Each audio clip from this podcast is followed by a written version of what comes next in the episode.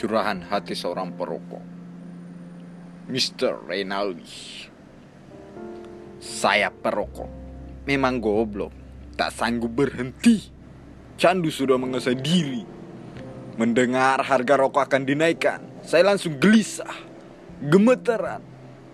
Kau tahu apa yang dilakukan perokok ketika gelisah? Saya akan menghisap rokok lebih banyak lagi.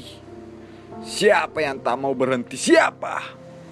Siapa yang tak suka giginya kuning? Siapa yang suka tiap hari batuk kering? Siapa yang suka angka nol di rekening? Mulut saya bau, baju saya bau, celana saya berlubang kejatuhan latu. Siapa yang suka? Siapa? Kamu sok tahu bilang saya hobi. Saya pecandu, kecanduan.